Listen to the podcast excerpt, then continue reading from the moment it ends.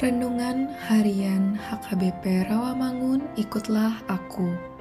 Jumat 9 September 2022 Nyanyian Kemenangan. Bacaan pagi ini diambil dari kitab Matius 9 ayat 35 sampai 38 Bacaan malam ini diambil dari kitab Mazmur 115 ayat 1 sampai 18. Dan kebenaran firman Tuhan hari ini akan kita dengarkan dari kitab Wahyu 15 ayat 4 yang berbunyi Siapakah yang tidak takut ya Tuhan dan yang tidak memuliakan namamu? Sebab engkau saja yang kudus, karena semua bangsa akan datang dan sujud menyembah engkau sebab telah nyata kebenaran segala penghakimanmu. Demikianlah firman Tuhan. Sahabat, ikutlah aku yang dikasihi oleh Tuhan Yesus.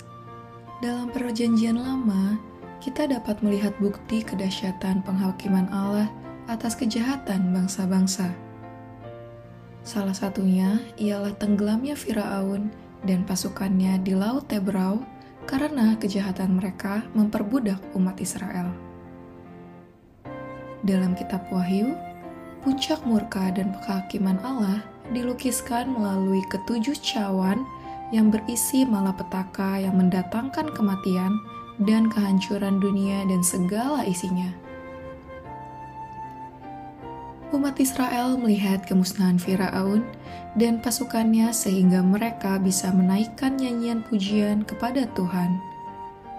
Dalam kitab Wahyu, umat Allah bertarung melawan kekuatan antikristus.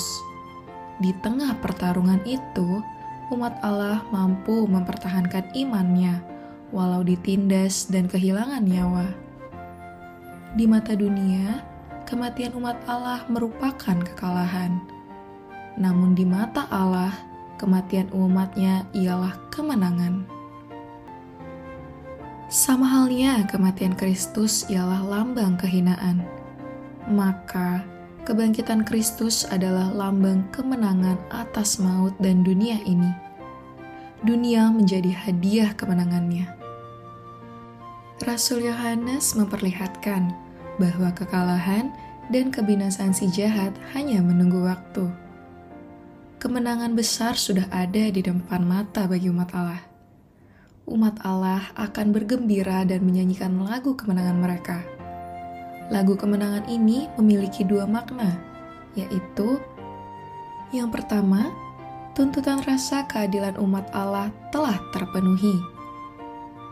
Yang kedua, semua perjuangan mereka di dunia mendapat pahalanya seperti Musa telah membebaskan Israel dari belenggu perbudakan, demikian halnya umat Allah mendapat tempat perhentiannya yang abadi, yaitu surga mulia.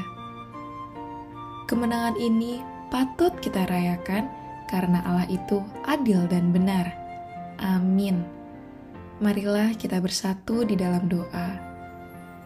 Ya Tuhan, kami memuji kebesaran dan kemenangan-Mu.